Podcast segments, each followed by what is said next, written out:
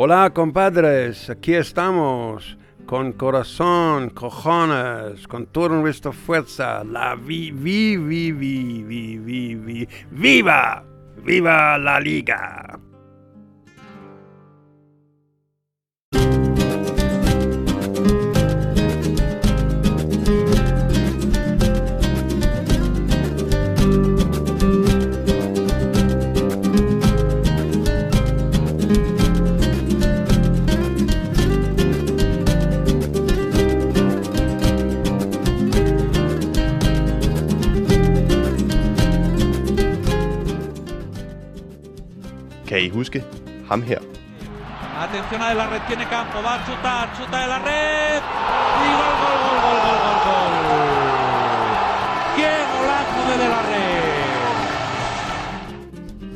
Ham her?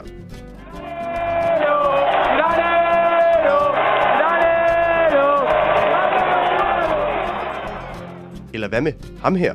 Så Pablo Hernández. Gol! Gol! Pablo Hernández. Espectacular el gol. I sommeren 2007 skifter Ruben de la Red, Pablo Hernandez og Esteban Granero til Michael Laudrups madrilenske miniputmandskab Ritaffe.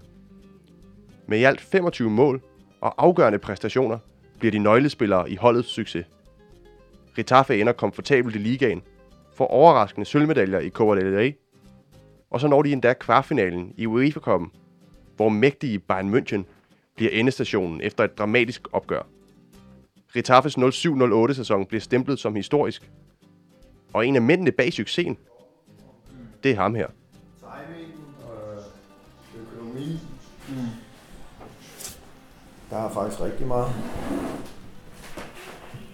Øhm, Skal vi slukke for fjernsyn, eller? Øh, ja, det må du ikke gerne. Det må du ikke gerne. Tak. Det her er Erik Larsen. Han er fodboldnomade og lige kommet hjem fra en fodboldtur et sted i Europa. Han er pensioneret fodboldspiller. Og i mange år har han været Michael Laudrups øjne på fodboldstadions over hele verden. Han er nemlig scout og rejser på tværs af landegrænser og tidszoner i jagten på fodboldjuveler. Og så har han den der næse for at finde talentet og det uforløste potentiale, der passer til Laudrups fodboldfilosofi. Han har fulgt Laudrup i tygt og tyndt, fra Retaffe til Mallorca, Spartak Moskva og Swansea.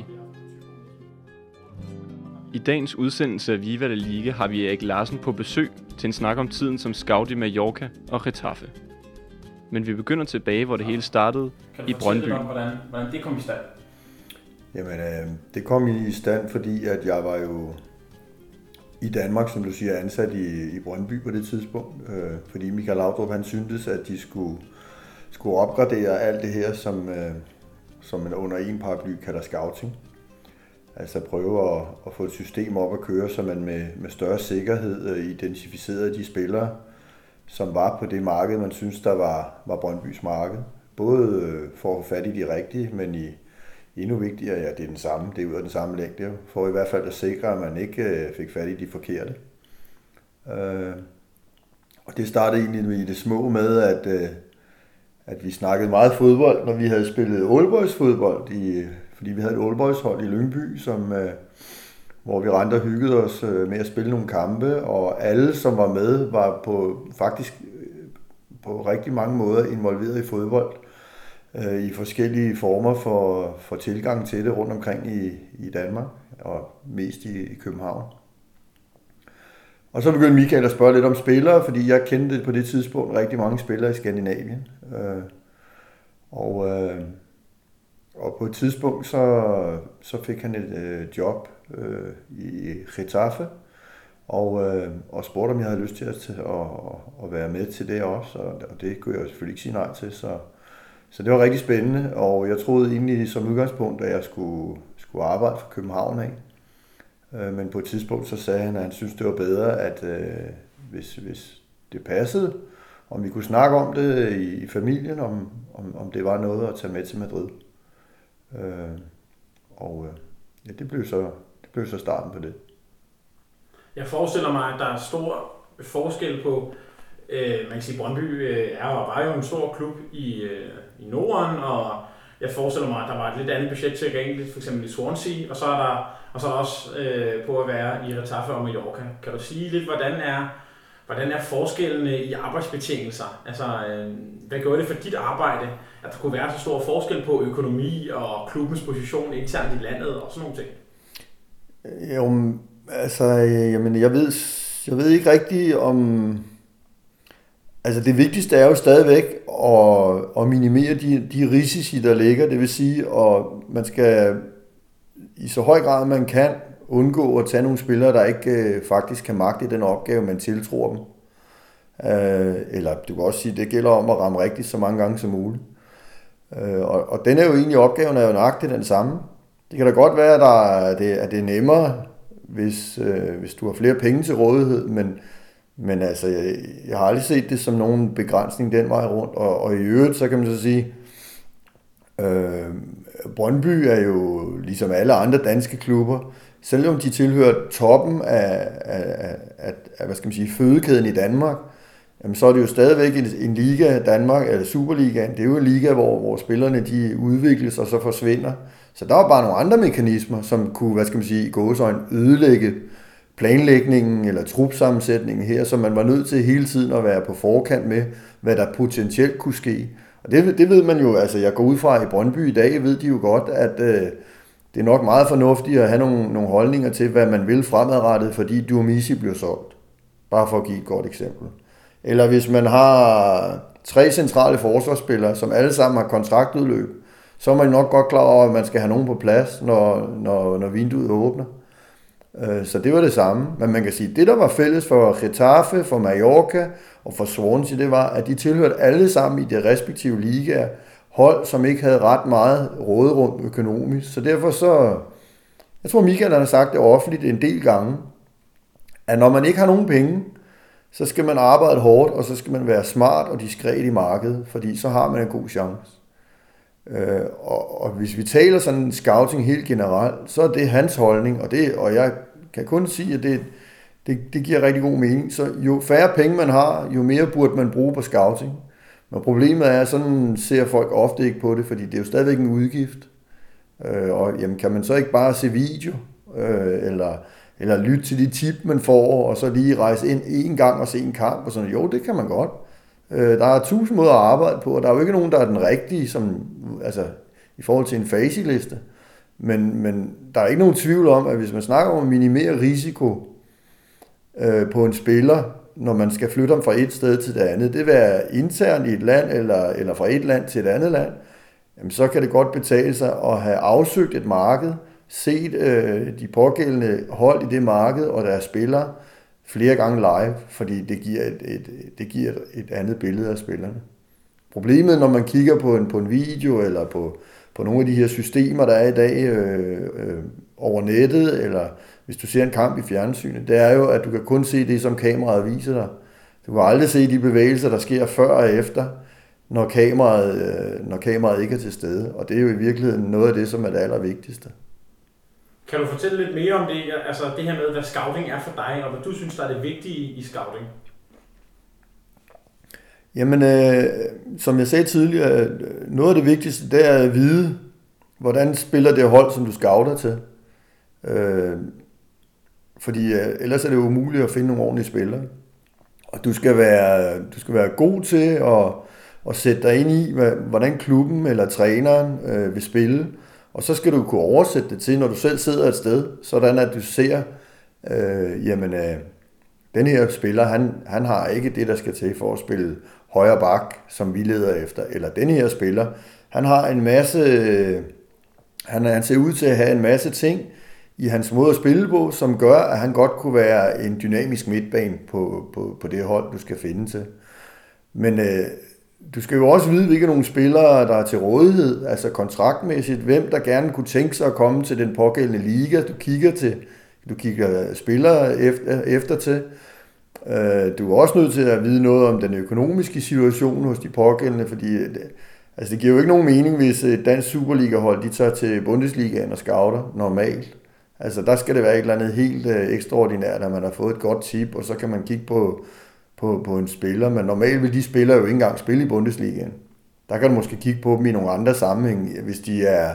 Det kan være en slovak, der er international med sit, med sit land, og så kan du se ham i, i A- eller U-landsholdssammenhæng, når, når der er en termin i midtugen. Ikke?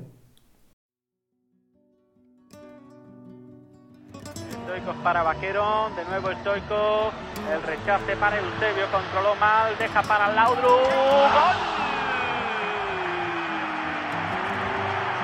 Golazo de Michael Laudrup a los 42 minutos, se la deja muerta Eusebio y Laudrup la pone en el ángulo mismo de la portería de Paco Bollo, imposible para el guardameta. Golazo de Laudrup, 1-2 en el marcador, 42 y medio de juego de la segunda parte.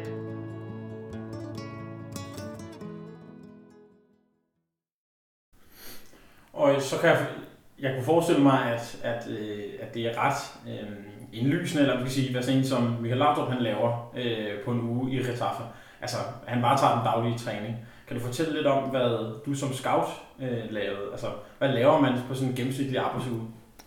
Ja, men øh, nu, det var jo lidt specielt, fordi at, øh, sjovt nok, så var, altså jeg, var- jeg var jo fuldstændig ukendt, og, og, og jeg skulle jo bare prøve at finde mine fødder, øh, prøve at lande i, i et andet land, og i en fodboldklub, som, hvor man kan sige, alt i princippet foregik noget anderledes, end jeg var vant til. Øh, og samtidig så skulle jeg også prøve at være øh, så god en hjælp som muligt, som, øh, som jeg kunne for Michael.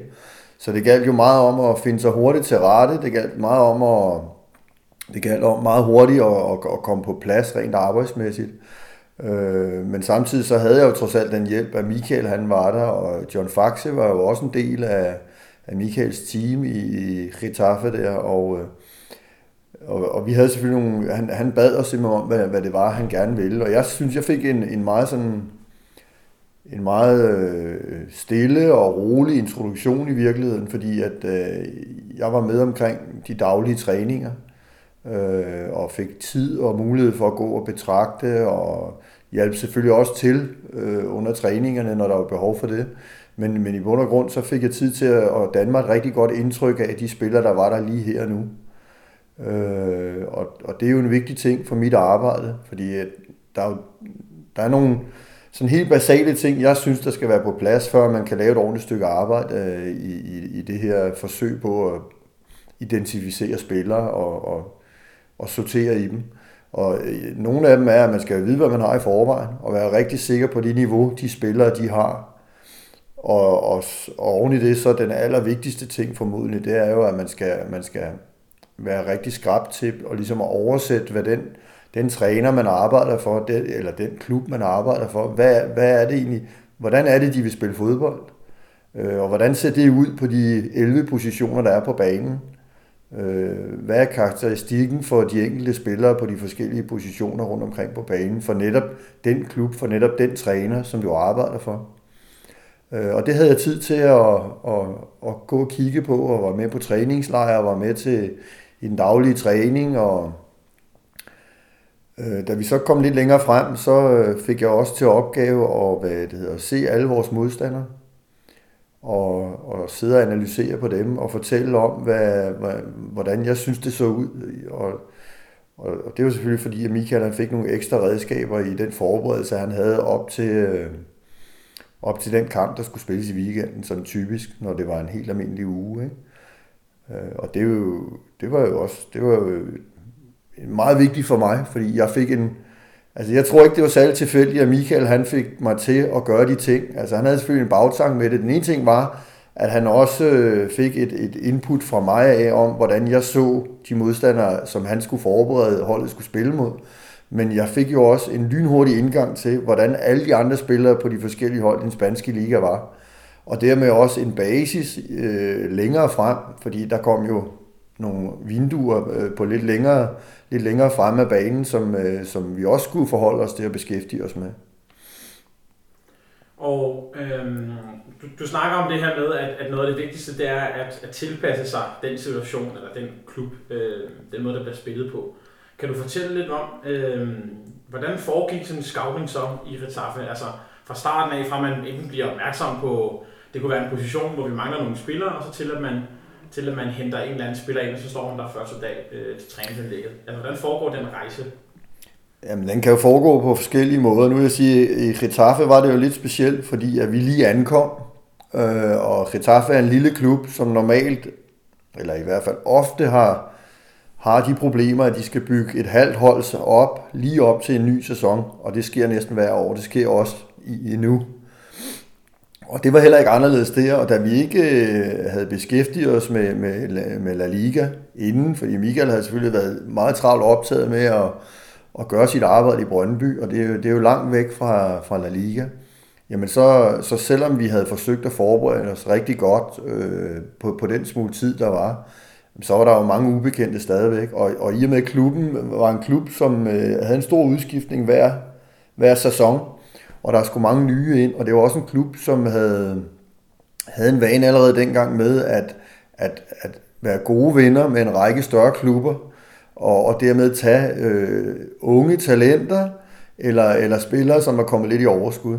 Øh, så man kan sige, her i den her sammenhæng, der handlede det enormt meget om, at, øh, at prøve at få et overblik over, om de spillere, som klubben meget sent øh, op til turneringsstarten øh, kom og sagde, fordi de var jo afhængige af, af, af de store klubber ligesom tog beslutningerne til sidst og sagde, sådan skal vi vores trup til. Og først der vidste man, hvad der var af overskud, og hvad der var af muligheder, hvad der var af talenter. Og så kunne man sortere i det og sige, okay, vi tror ham her, han kunne godt være. Øh, og det er jo selvfølgelig ikke kun mit arbejde. Altså, det var jo, det var jo præsidenten i klubben, der var en sportsdirektør, der var, der var Michael som træner, John som hjælpetræner, Luis Mia som, som hjælpetræner, øh, mig som, som, som den, den lidt mere scouting-ansvarlige. Og så er det klart, så er der jo input, og der er holdninger, og der er forskellige hensyn at tage, øh, og det er både økonomi og til rådighed, og, og så også om, om der er nogle af dem, som bliver tilbudt, om, om man, altså når man er en lille klub som Getafe, så kan man ikke være sikker på, at man får lige, så det passer ind. Så nogle gange er man nødt til at tage nogle chancer, man er også nødt til at, hvad skal man sige, lave en kompromis, og så sige, okay, så må vi ligesom, så må vi forandre måden øh, og, og sætte holdet op på, på, hvis vi skal have det til at passe med det her, der er til rådighed. Øh, og jeg kan huske det år der, der kom der i hvert fald, øh, hvis vi skal nævne nogen, som folk måske har lagt mærke til senere hen, fordi dengang, der var det jo, der var der jo ikke nogen, der kendte dem, anden dem, der havde øh, sådan god indsigt i, i, i spanske forhold. Der kom øh, Pablo Hernandez, som var en, øh, en kantspiller, der havde siddet halvdelen af tiden på bænken i Cardiff i anden division, men var ejet af Valencia. Øh, så kom der en, der hed øh, Ruben de la Red, som øh, sidenhen blev både europamester, landsholdsspiller og Real Madrid-spiller, og desværre fik et hjerteanfald og faldt om og måtte stoppe med at spille fodbold, da han var, jeg kan ikke huske det, 23 år måske. Og han er i dag træner, har været både træner og ungdomstræner i Real Madrid, og i øjeblikket øh, anholdstræner i Getafe faktisk. Han har lige startet her i, i sommer, altså for et halvt år siden. Og så var der også øh, en spiller som øh, Esteban Granero, som i dag spiller for øh, Real Sociedad, men jo har været omkring øh, Real Madrid og spillet rigtig mange kampe der. Øh, De La Red og Granero, de var jo to unge spillere, som, som var helt grønne. Aldrig nogensinde havde spillet i La Liga. Det havde Pablo i øvrigt heller ikke, Hernandez. Men, men de kom fra Castilla, de to, og var en del af et Castilla-hold, som, som rykkede ned i 3. division, som havde haft en rigtig, rigtig dårlig oplevelse, øh, i øvrigt med Mitchell som træner.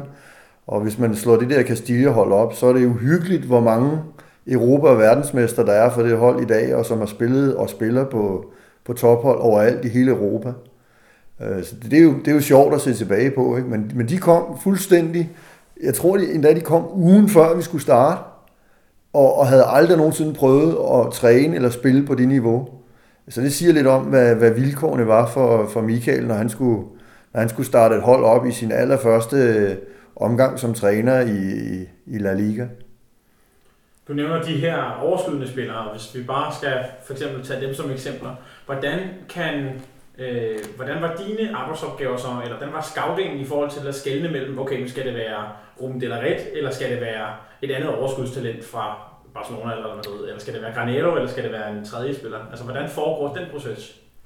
Jamen i det her tilfælde, der, der foregik det jo på den måde, der var jo nogle, nogle mennesker, som havde nogle holdninger og nogle idéer til de her spillere i klubben, som vidste en del mere, end jeg gjorde i hvert fald, omkring spanske forhold og spanske spillere. Øh, Øh, og jeg, jeg, kan man sige sådan, jeg fik jo lov til at kigge med og, og så en masse omkring de her unge spillere også, og, og, og Michael selvfølgelig var jo dybt involveret i den her proces, fordi det var ham, der potentielt skulle træne dem, ikke?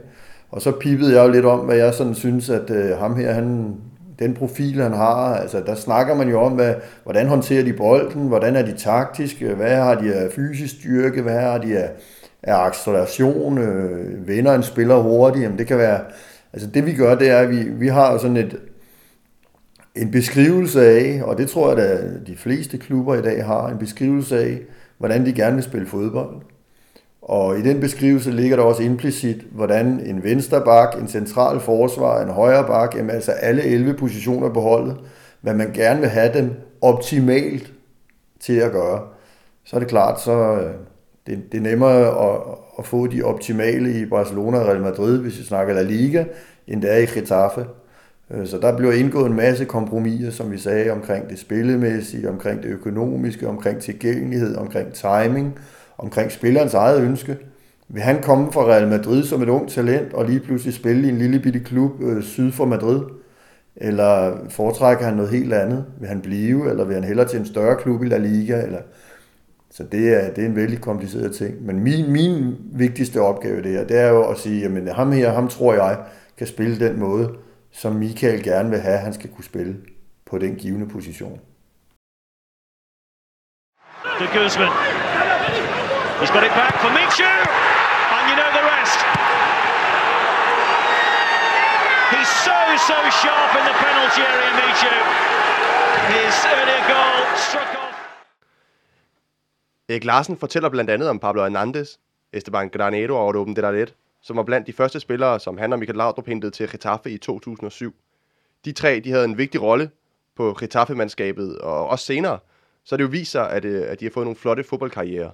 Men dengang, tilbage i sommeren 2007, der lå det ikke lige frem i kortene, at de skulle udvikle sig så positivt. Nej, det gjorde det nemlig ikke, fordi at det her Castilla-hold, det var ikke særlig godt. Altså, det var meget talentfuldt, men de rykkede ned fra anden bedste række til den tredje bedste række. Og her var Esteban Granero og Ruben de la Red altså øh, spillende øh, på det her yderst talentfulde hold, som så faktisk viste sig at have rigtig mange fremtidige landsholdsspillere på. Ja, det var blandt andet et Castilla-hold, som talte målmændene Antonio Adan og Gio Casilla. Begge to har fået en flot liga-karriere, og nu er Casilla tilbage i Real Madrid faktisk. Det var med Sergio Sanchez i midterforsvaret, som har spillet hundredvis af La Liga-kampe siden, for Espanyol, for Sevilla, for Malaga. Og så var der en øh, meget potent midtbane, spækket med nu store navne, øh, der talte for uden Granero og Ruben de la Red. Øh, så var det Borja Valero, øh, først Villarreal og senere nu øh, Fiorentina. Og han er rigtig, rigtig god. Det er han. Øh, der er Juan Mata, der nu er i United selvfølgelig.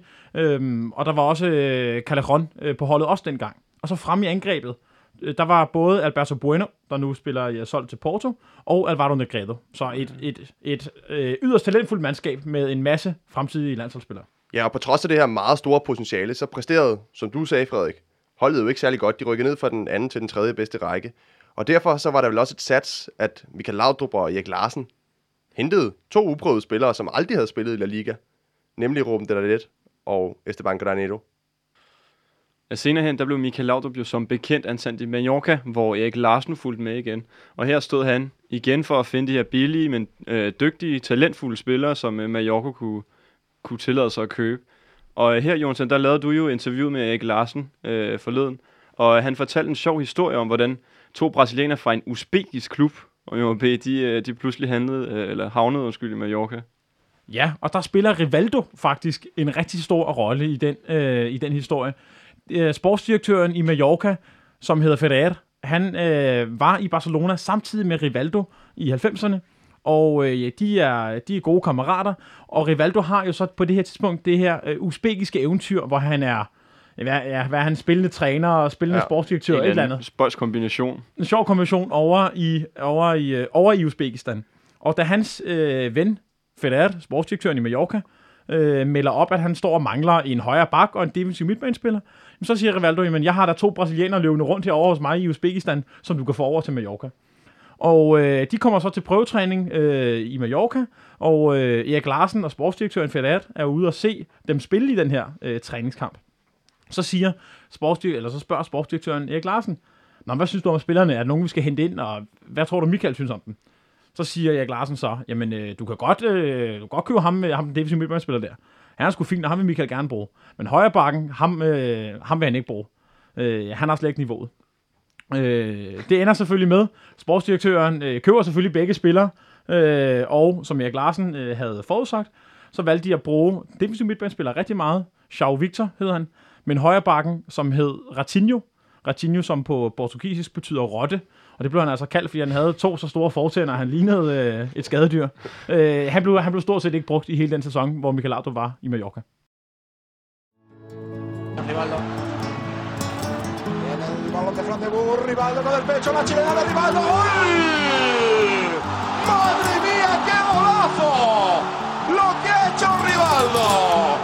Barça 3, Valencia 2, Jeg står her med en liste over nogle af de spillere, som har været i mange af de klubber, som Michael Laudrup har trænet, og hvor det, Erik Larsen har været talentspejder. Der er blandt andet en spiller som Chico Flores, der har spillet i Mallorca, Swansea og Elikvia i Qatar her senest, mm. hvor Michael Laudrup senest var. Så er der Pablo Hernandez, som fik sit store gennembrud i Getafe, og som også var i Swansea. Og så er der til sidst Jonathan de Guzman, som mm. først var i Mallorca og senest har været i, i Swansea sammen med Michael Laudrup. Ja, og der er faktisk en meget sjov historie om, hvordan Erik Larsen og Michael Laudrup i første omgang hentede ham til Mallorca. Erik Larsen kendte øh, Jonathan de Guzman fra øh, en masse kampe, som øh, Erik Larsen havde været til i hollandsk ungdomsfodbold. Øh, både i Feyenoord, hvor han spillede på ungdomsholdene, men også på de hollandske ulandshold. Og øh, han vidste, at, Jonas, at, øh, at de Guzmans kontrakt udløb her om sommeren, hvor Laudrup og Erik Larsen skiftede til Mallorca. Og øh, da de kommer til Mallorca og finder ud af, at de netop mangler sådan en dynamisk midtbanespiller, som det Guzman var, så var han deres første prioritet. Så Erik Larsen og Michael Laudrup går op til sportsdirektørens kontor, banker på og siger, øh, vi vil gerne have ham her, det er Guzman. Så siger sportsdirektøren, jamen ham kendte han godt, og det synes han ikke, og han havde ikke niveauet, og han var alt for meget skadet. Så går der en øh, dags tid eller to, og øh, så går Erik Larsen og Michael Laudrup altså igen op på kontoret og siger, ham her, det er Guzman, han er altså rigtig god, og ham vil vi gerne have. Så siger sportsdirektøren igen nej. Erik Larsen finder så ud af igennem sit netværk, at det Guzman, han træner stadig med i Feyenoord, selvom man skal trække løbet ud. Og, det, øh, og han hører blandt øh, sine kilder i, øh, i fodmiljøet, at han er altså en rigtig god dreng ham her, og hvis han bare kan holde sig skadesfri, så kan han være en, en, en rigtig dygtig spiller. Derfor får Ferrer, sportsdirektøren i Mallorca, for så arrangeret, at det Guzman kan komme ind til en hemmelig lægetest blandt nogle af hans øh, fysioterapeuter og læger i Madrid, før den, før den reelle lægetest i Mallorca, for ligesom at sikre, at de behøver ikke øh, associeres med ham, de behøver ikke engang lave en slags kontrakt med ham, før han, før han har fået lavet den her hemmelige lægetest. Og, og, der, og heldigvis for det Guzman og for øh, hele historien, så består han så lægetesten, den hemmelige lægetest i Madrid, bliver så fløjet til Mallorca, og består også lægetesten der, og så kan de altså skrive under på kontrakten med Jonathan de Guzman, som så det år, hvor Laudrup og, øh, og Erik Larsen er i, i, øh, i klubben, spiller en fantastisk sæson, og bliver så øh, og spiller så godt, at han året efter bliver solgt til Villarreal.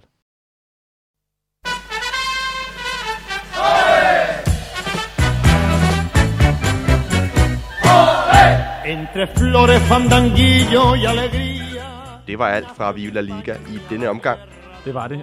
Til gengæld, så kan du i mellemtiden, hvis du venter på et nyt program, følge os på Facebook og like os på Twitter, hvor Twitter-kongen Frederik holder helt styr på vores sociale medier og giver dig de nyeste nyheder om Og brandvarm. Brandvarm den kommende uge. Og så, øh, så har vi jo faktisk et afsnit klar allerede næste uge. Øh, på næste fredag. På næste så, fredag. Øh, glæd jer til det. Tak fordi I lyttede med. Hasta luego. y siempre la recordará. Que viva España, la gente canta con ardor.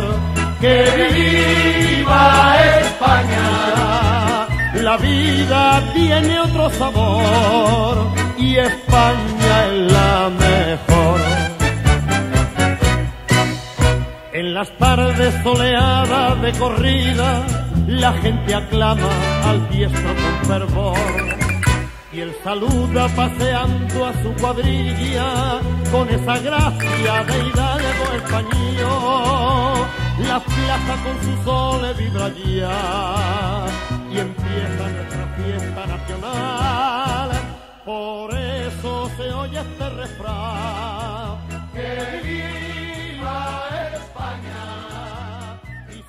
siempre la